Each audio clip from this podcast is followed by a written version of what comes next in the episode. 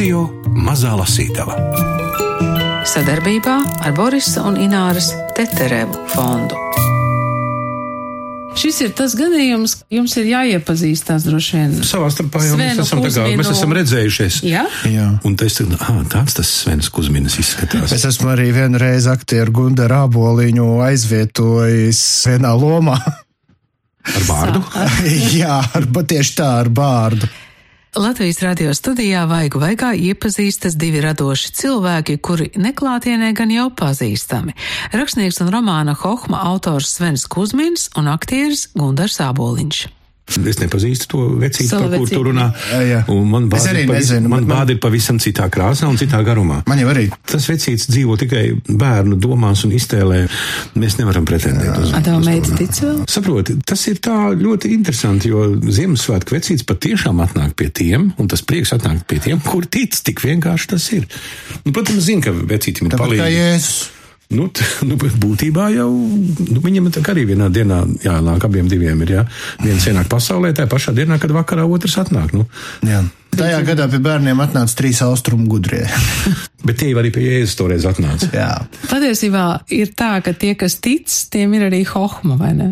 Mm, Varbūt. Nu, nevienmēr, nevienmēr. Dažreiz tieši tiem, kas izvēlas noteiktām lietām neticēt. Bet, tā jau ir tā gudrība un viedums senebreju valodā.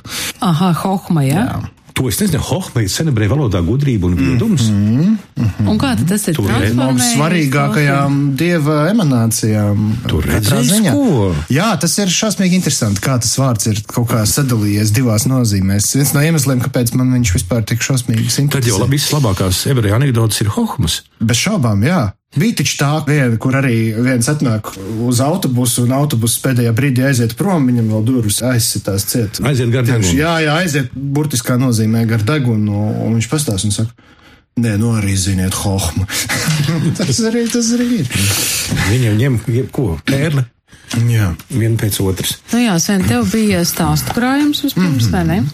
Un šis tiek saukts par romānu. Mm -hmm. Tu, tu tā kā paliec pie tā, ka romāns. Es palieku katrā ziņā pie tā.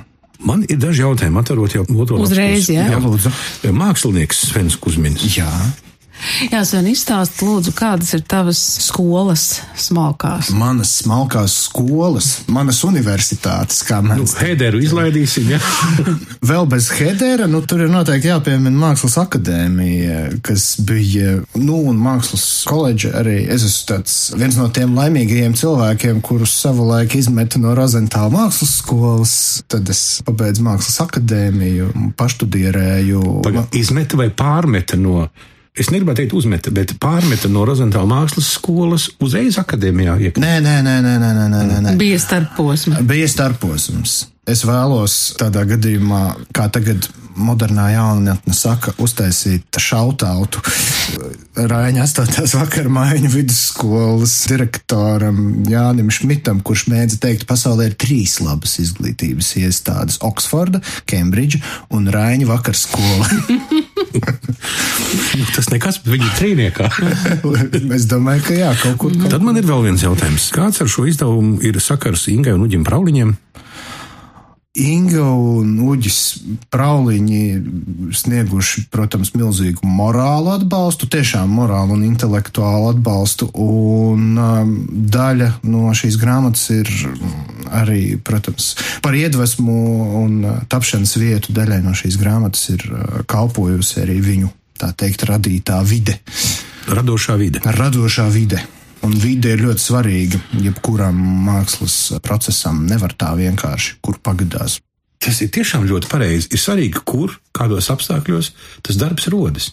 Katrā gadījumā. Nu, Zin kā kādreiz raksteikas, teiksim, vilciens Rīga, Berlīna. Mm. Jā, jā, jā, jā. Ir vajadzīga vide ar lielo vēju, ir vajadzīga kaut kāda vieta, kura ar kaut ko ir ievērības cienīga, jeb varbūt saslēdzas. Ir. Par ko ir tiek rakstīts. Jā, bet vilcienos un ceļā jau arī uh, ļoti daudz kas brīnumains var uh, rasties. Vispār Nu, domas, domas. Nu, jā, jā. kaimiņā domāšana arī ir uh, diezgan tāda pavisam īsta, iespējams, zinātniski pierādīta lieta. Ej, ej, ej, jā. pa mežu, piemēram, un tur kaut kas top. Šī gadījumā Hohma ir vieta arī. Mm -hmm. Un tev ir īpašas attiecības ar uh, provinces laikrakstiem. Katrā ziņā.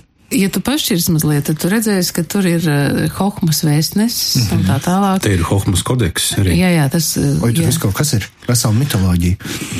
Bet uh, tur ir tādas, uh, nu, it kā avīžu raksti, it kā avīžu rakstu faksimili, piemēram. Jā. Bet nē. Nu, kserokopijas iespējams, es nezinu. Es tagad domāju, kā jūs lasīsiet. Svens jau pieredzes ir arī pats lasīt, bet šoreiz. Nu, jā. Nu, mēs varam kaut kā dalīt pārmaiņus, kā ar, viena Treibergu. grāmata. Tas nekas. Mēs, mums ir liels galds, mēs varam Zle- tā šūkāt no Jā, jā, jā. uz otru. ļoti ilgi domāju, ko lasīt. Man pilnīgi skaidrs bija, kas stāsts par Paulu stānti. Jā, bet viņš. Bet ne visu. Mm, Ne visu. Lai paliek intriga. Darām tā. Es sākšu to stāstu, un tu zini, kad pateici stop. Vai arī tu Mēs varam saki, darīt tā. Viens lasa kaut kādu stāstu, un otrs palasa kaut ko no avīzītēm. Lai būtu daudzveidība, un tad mums arī atšķirsies balsis dažādos. Jā, Nu, tagad es vairs neko nesaprotu, ko tad man tagad lasīt. Lasi to par Paulu stāstu. Un šie ir Hohmas luterāņu kapi. Šeit mēs ar Māri starpbrīžos nācām pa kluso dzert vīnu, bet te, ja kāds vēl nav pamanījis, guļ leģendārā Paula stante. Esmu pārliecināts, ka šo atdusmas vietu viņi izvēlējās tikai tāpēc, ka tā atrodas pašā pilsētas centrā. Skaidrs taču, ka šito ārprātīgo pieminekli, kas kompozitātes ziņā sit pušu pat Herzbergu dzimtas kapliču, viņi nepasūtīja tāpat vien. Nešaubos, ka, ja būtu iespēja, viņi liktu sev uzcelt trīs stāvu mauzoleju akācija laukumā. Mūsu dzīvē Paula stante uzrādījās pēkšņi, skaļi un ar piegādi. Bija klusa, lietaina rudens pievakare, Vecāki aizkavējušies kādā jubilejā. Betānija, mana vecākā māsa, aizbraukusi studēt uz Rīgu, bet es viens pats sēdēju savā istabā un baudīju pubertāti. Pēkšņi uz ielas kāds sāka ļoti uzstājīgi spaidīt mašīnas signāltauri. Par roku galam apģērbies, es noskrēju lejā, pie dārza vārtiņiem patvēries zem lietu sarga jau gaidīja vecais pasta priekšnieks Vojnovičs lai viņam, tāpat kā Paulas tantei, viegls smiltis. Jums sīkpakā! Viņš norūca un lika man parakstīt kaut kādu veidlapu. Lietus lāses bungoja pa pasta furgonu jumtu. Mēs aizgājām līdz mašīnai, un Vainovičs piesardzīgi atvēra kravas nodalījumu. Tur, starp kastēm, vēstulēm un avīžu ķīpām, sēdēja sirma un apaļīga, lai neteiktu korpulenta kundze. Mugurā viņai bija vecmodīga satīna kleita, kaklā vesels krābums dažādu izmēru kreļu un rotājumu, kas kombinācijā ar viņas sirmajām ilgviļņu lokām veidoja gandrīz perfektu ansambli. Trūka varbūt vienīgi adīklīša. Apsveicu, šī tagad ir jūsu problēma, vai Novičs paslepšs nomurmināja, taču vecā kundze to sadzirdēja un kā liela gabala lode izšāvās no mašīnas. Laikam visu mūžu atcerēšos šo pirmo operas dziedātājas cienīgā soprānā izkliegto frāzi: Ak, tu izlaiž einu, es te uztaisīšu tādas problēmas, kādas tev pat delīrija murgos nav rādījušās. Viņa atvēzējās un no visa spēka iezvēla pasta priekšniekam ar somiņu pa seju. Vainovičs satvēra degunu, taču valdījās, droši vien jau iepriekš sapratis, ka pretoties ir bezjēdzīgi, un ka jau pēc minūtes viņa dzīvē, atšķirībā no manējās, valdīs miers un harmonija. Smagās lāses plīkšķināja pa asfaltu skaļāk un skaļāk, viņš aizvēra lietu sargu, iesēdās mašīnā un iebrauca lietū un miglā, bet es paliku divvientulībā ar Paulu Stanti. Gandrīz katrā lielā ģimenē ir tādi cilvēki, kurus pieminēt skaitās slikts tonis. Es, protams, zināju, ka mamma ir ekscentriska un ļoti temperamentīga tante vārdā Paula, bet, ja kāds par viņu arī runāja, tad tikai nu, pamācošos nolūkos esiet jauki cits pret citu, uzvedieties godīgi, neesiet kā Paulas tante. Tagad šī mistiskā persona sēdēja uz mūsu viesistabas dīvāna, izslējusi samirkušās kājas uz žurnāla galdiņa, un man nebija ne jausmas, ko ar viņu iesākt. Un Pastāsti man, ko tik simpātisks jauns cilvēks dara viens pats mājās, kamēr vecāki ballējas apkārt? Viņa jautāja. Neko, es atbildēju, un Pauls tante gārdi iesmējās. Ja tev ar to neko vajag palīdzēt, tad tikai saki. Šausmīgi apmulsu. Viss, ko līdz šim biju zinājis par pieaugušo cilvēku pasauli un tās etiķeti, pēkšņi bija apmeties kājām gaisā. Toties Paulas tante jutās ērti. Vai tad šajā mājā, ko iedzert, nemaz nav? Viņa jautāja. Nu, ko iedzert mājā bija, taču es zināju, ka būs nepatikšanas, ja aiztikšu trofeju dzērienus no tēta kabineta. Bet Paulas tante galvoja, ka nekas ļauns nenotiks, ja vien es uzticēšos viņai. Tā nu es ielavījos tēta privātajā svētvietā, ko savos 14 dzīves gados vēl nereizi nebiju darījis, un atgriezos ar pudeli franču brendiju un vienu no tām glāzēm, kuras netika izmantotas pat ģimenes svētkos. Kā? Es dzeršu vienu? Paulas tante pietāloja vilšanos. Teicu, ka neesmu nekāds lielais alkohola cienītājs, ar to domādams, ka neko stiprāku par alu nebija pat nogaršojis. Paulas tante manu nemākulīgo blefu uzreiz atmaskoja un sacīja: Neuztraucies, mazais, es tev parādīšu, kā tās lietas dara profesionāļi. Gan pieaugušo, gan skolas biedru kompānijā bija novērojis, ka cilvēki grādīgos dzer, viebjoties un rīstoties, un ar katru glāzi kļūst aizvien gausāki un tīzlāki. Dzert ar Paula standi izrādījās tīrā bauda. Viņa reiba eleganti un stāstīja visādus nešpatnus atgadījumus no savas dzīves, lieliski atdarinot gan sieviešu, gan vīriešu balsis, un dārgais Brendijs nemaz nekoda kaklā, kā bija iztēlojies. Taisn otrādi, tas patīkams sildīja un nomierināja.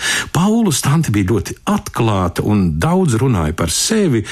Pūdēla vēl nebija pusē, bet man jau likās, ka par viņas dzīvi un uzskatiem es zinu pilnīgi visu. Tikai tagad, atceroties šo vakaru, es saprotu, cik meistarīgi viņa izlocījās no jebkādiem jautājumiem, kas skāra viņas vizītes patiesos iemeslus. O, jā, tieši O, jā. tajā visintriģējošākajā brīdī. Es arī intuitīvi apstājos. Mm. Jo, jo redzēji, tas, kas vēl nav pateikts, Paula Stante ir pensionēta drāmas aktrise. Bez šaubām. Tik daudz Tik daudz. Jā, jā, jā. Es domāju, ka tagad tu varētu iedot grāmatu Svenam, Jā, tad viņš jā. varētu atrast kādu. Es no avīzes kaut ko labprāt Tu no avīzes, nolasīt. jā. Paula Stants nekrologu gluži nē. Nē, nē, nē, tas jau nu, tas jau nu būtu. Tas piederās pie literatūras. Jā, nu lūk, bet šeit, kā jau tu minēji, ir arī laikraksts Hohmas vēstnesis, un kā zināms, katrai apdzīvotai vietai ir noteikti arī sava kaut kāda ēnainā pagrīdes puse, un šeit tātad daži izvilkumi no Hohmas vēstneša policijas kronikas. Pirmdiena, 11. jūnijas. Pūkstens 9.32. Hohmas šosejas 44. kilometrā 1982. gadā dzimis vīrietis 2,8 promiļu alkohola reibumā vadījis transporta līdzekli Honda Accord. Sastādīts administratīvā pārkāpuma protokols.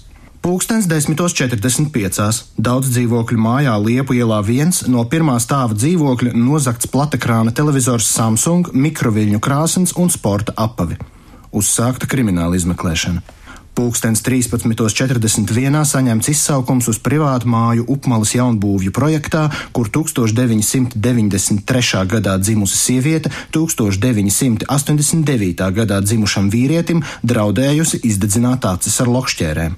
Policija konfliktu atrisinājusi, izraujot lokšķēru kontaktdakšu no strāvas padeves. Sievietei sastādīts administratīvā pārkāpuma protokols, vīrietis šoka stāvoklī nogādāts pilsētas slimnīcā. Otrdiena, 12. jūnijas.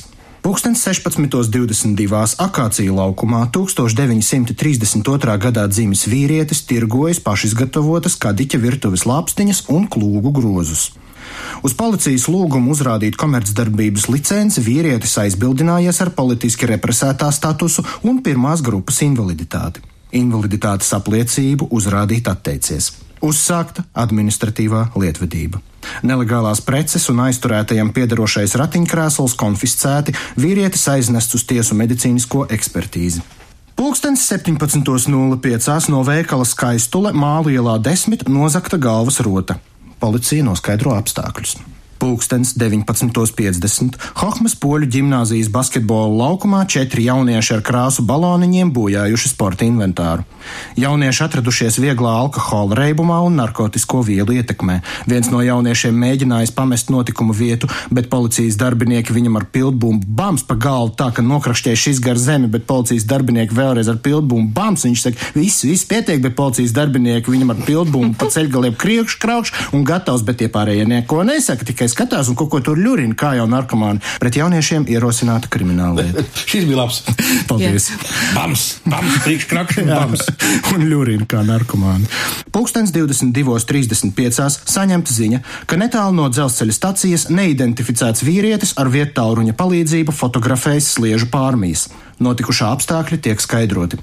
Bet garlaicīgi tur nav tā Hofmana. Bet ar, Nē, tur nē. kā tev ar autortiesībām tu nenorakstīji tieši no Nē, es provinces neko, laikrakstiem? nē, es neko nenorakstīju tieši. Es katru dienu gāju kā studentiņš uz bibliotekām, šķirstīju avīzes, vienā brīdī man kurzems vārds pat nāca uz mājām. Pētīju tā teikt stilistiku. Man būtu ļoti liels lūgums nelielu fragmentu par to tēti, kas aizbrauc uz īriju. Varam? Jā, jā, protams, Pagaid, es bet tad pastīšu. tev jārāsa. Nē, nē, es nelasīšu. Tas ir meitenes balsī. Tas nekas Gundars lasa. Es man Tu lasi meiteņu balsīs. Jā, viņš lasa parasti. Labi. Meiteņu, meiteņu balsīs. Te tik daudz meiteņu ir bijis, ka es lasu arī meiteņu balsi. Jā, jā, jā. Labi, Tā. tas tās tā ir par runāšanu balsīs. Tētis Trešajā, mūs jā. sagaidīja lidos. Jā, jā, jā. Ar sakot, ir ģimene, un tētis aizbrauc uz īriju, un neviens nesaprot, ar ko viņš tur nodarbojas. Tā Nu, jā, apmēram. kur strādā kaut kādā celtniecībā, zvanu vakaros pa Skype un saka, meitenes brauciet pie mums uz īriju, te jums būs īstā dzīve. Kāda neviens īsti tā arī nesaprot. Un līdz viņas pēdējiem brauc. brīdim. Un viņas brauc. Brauc. Un aizbrauc. Mm -hmm. Un tētis mūs sagaidīja lidostā un pa ceļa kreiso pusi aizveda uz jaunajām mājām. Es stāstīju tētim, ka sēdēju lidmašīnā pie loga un ka zeme no attāluma izskatījās nevis maziņa, bet gluži otrādi neparasti liela. Nemaz jau tik liela nav, viņš atteica un piemiedza aci atpakaļ skata spogulī.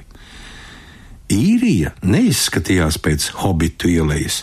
Taisnību sakot, vienīgais, ar ko tā atšķīrās no Latvijas, bija tas, ka lauku ainavā bija mazāk krāsu. Bet, kad tētis mūs izlaida no mašīnas, bijām pilnīgi apjukušas. Mēs atradāmies nevis svešā, pasakainā milžu un leprekonu valstī, bet tēta dzimtās lauku mājas pagalmā Hohmas rajonā. Netālu no dabas parka. Hohmā biju ciemojusies tikai divas reizes, māsa mazliet vairāk, taču bija skaidrs, ka tas nav nekāds pakaļdarinājums. Tās pašas simtgadīgās koka ēkas, tie paši vārti pie piebraucamā ceļa, tās pašas lietus mucas ar sarūsējušām stīpām, pat pussalūzušais ratu ritenis karājās pie klēts sienas tieši tā, kā mūsu nelaiķi vecstāvs to savu laiku bija pienaglojis. Ja es pa ceļam no Dublinas būtu aizmigusi, man liktos, ka tētis mūs izjokojis un atvedis atpakaļ uz Latviju. Arī mājas iekārtojums nebija mainījies. Senlaicīgās mēbeles un padilušie vilnas paklāji atradās savās vietās, gaisā karājās pelējuma aromāts, taču pa logiem bija redzami neierasti skati. Kā televizorā, kas pārslēgts uz citu kanālu.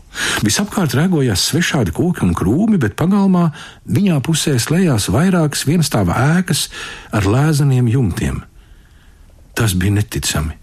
Es skraidīju no viena loga pie otra un aizgrābtībā vēroju ne gluži īrijas, ne gluži Latvijas skatus. Govis un zirgus ganībās cilvēkus ar izkaptīm uz lauka, bišu stropu rindas uzkalnā, kas tagad atradās aiz mājas, un celtniekus, kuri nagloja kopā jaunas ēkas karkasu. Un vispār saimniecībā valdīja tāda rosība, kādu vēl nekad nebija redzējusi. Tētis un mamma tikmēr jau bija sākuši strīdēties par naudu. Mamma visu laiku atkārtoja, kāpēc, priekš kam, par kādu naudu tu to visu dabūji gatavu, bet tētis sēdēja savā mīļākajā krēslā, malkoja alu un teica, kāpēc ne? Es 20 gadus esmu vadājis pāri robežām lejušu guļbūvis, ar ko manas tēva mājas ir sliktākas par kaut kādu lietuviešu pirti. Es tam visam nepievērsu uzmanību. Tas, ka mamma uztraucās par naudu, neko nenozīmēja. Nu, kā jau kārtīga grāmatvede, viņa vienmēr uztraucas par naudu, bet tēta veikums nenoliedzami bija abrīnas vērts. Padomājiet paši, uzcelt nevis jaunu māju, bet izjaukt veco pa detaļām, pārvest pāri visai Eiropai un diviem jūras šaurumiem un izmitināt tajā vai pusi trimdas latviešu. Un kruti! Vakarā tētis sarīkoja svētkus par godu mūsu atbraukšanai. Ārā bija iekurts ugunskurs, iedegtas krāsainas lampiņas un uzklāti divi gari galdi. Tētis saimniecībā strādāja apmēram 300 cilvēku, tā izskaitā arī ģimenes ar bērniem. Pie galda pilnīgi visi runāja latviski, un es it nemaz nejūtos kā īrijā. Tētis sēdēja galda galā, bet mums ar mammu bija jāsēž viņam blakus. Laipni lūdzu Hohmas Tautas Republikā, tētis teica un pacēla alus kausu. Tagad Latvijas atzimšana var sākties pa īstam. Tālumā sisināja sienāži, cilvēki pie galda raudzījās uz tēti ar cieņu, un es jutos lepna, ka esmu šī tautas vadoņa meita. Tētis runāja aizrautīgi, un man likās, ka piedalos svarīgā vēsturiskā notikumā. Kad mīlestības beidzās, pieaugušie sasēdās ap ugunskura. Tētis trinkšķināja paštaisītu kokli. Viņam tas padevās nesevišķi veikli, taču pārējie vienalga dziedāja līdzi. Tālāk aiz ugunskura neliels bērnu bariņš spēlēja policistus un bandītus. Es nogaidīju līdz dziesmas beigām un pēc ieraduma palūdzu mammai atļauju paspēlēties ar pārējiem. Jā, tikai uzvedies kārtīgi. Mamma iečukstēja man ausī. Vai pašam būtu interesanti to redzēt kā uzfilmētu materiālu? Man būtu bail redzēt, kā viņi kāds ir uzfilmējis, tāpēc, ka. Mm, nu, bet tev nebija bail, ka Gundars tagad lasa? Bija, protams, bet ne tik traki bail, kā būtu skatīties uz ekrāna, jo man vienkārši visā tapšanas procesā jau arī tā filma acu priekšā mm, Pašam griezās. Sava. Nu, protams, man jau arī soundtracks bija tai pašizdomātai filmai, un tur bija pilns komplekts. Tādēļ, kā jāizskatās kadriem, es jau zinu. Nu, kā teica Renē Klērs, filma būtībā ir gatava, atliek tikai to uzņemt. Pagaidām filma ir gatava tikai autoru galvā, un iespējams lasītāju galvā katram sava filma. Romānu Hohma lasījām kopā ar autoru Svenu Kuzminu, studijā bija Gundars Āboliņš un Ingvilds Strautmane, Hohmu izdevusi dienas grāmata.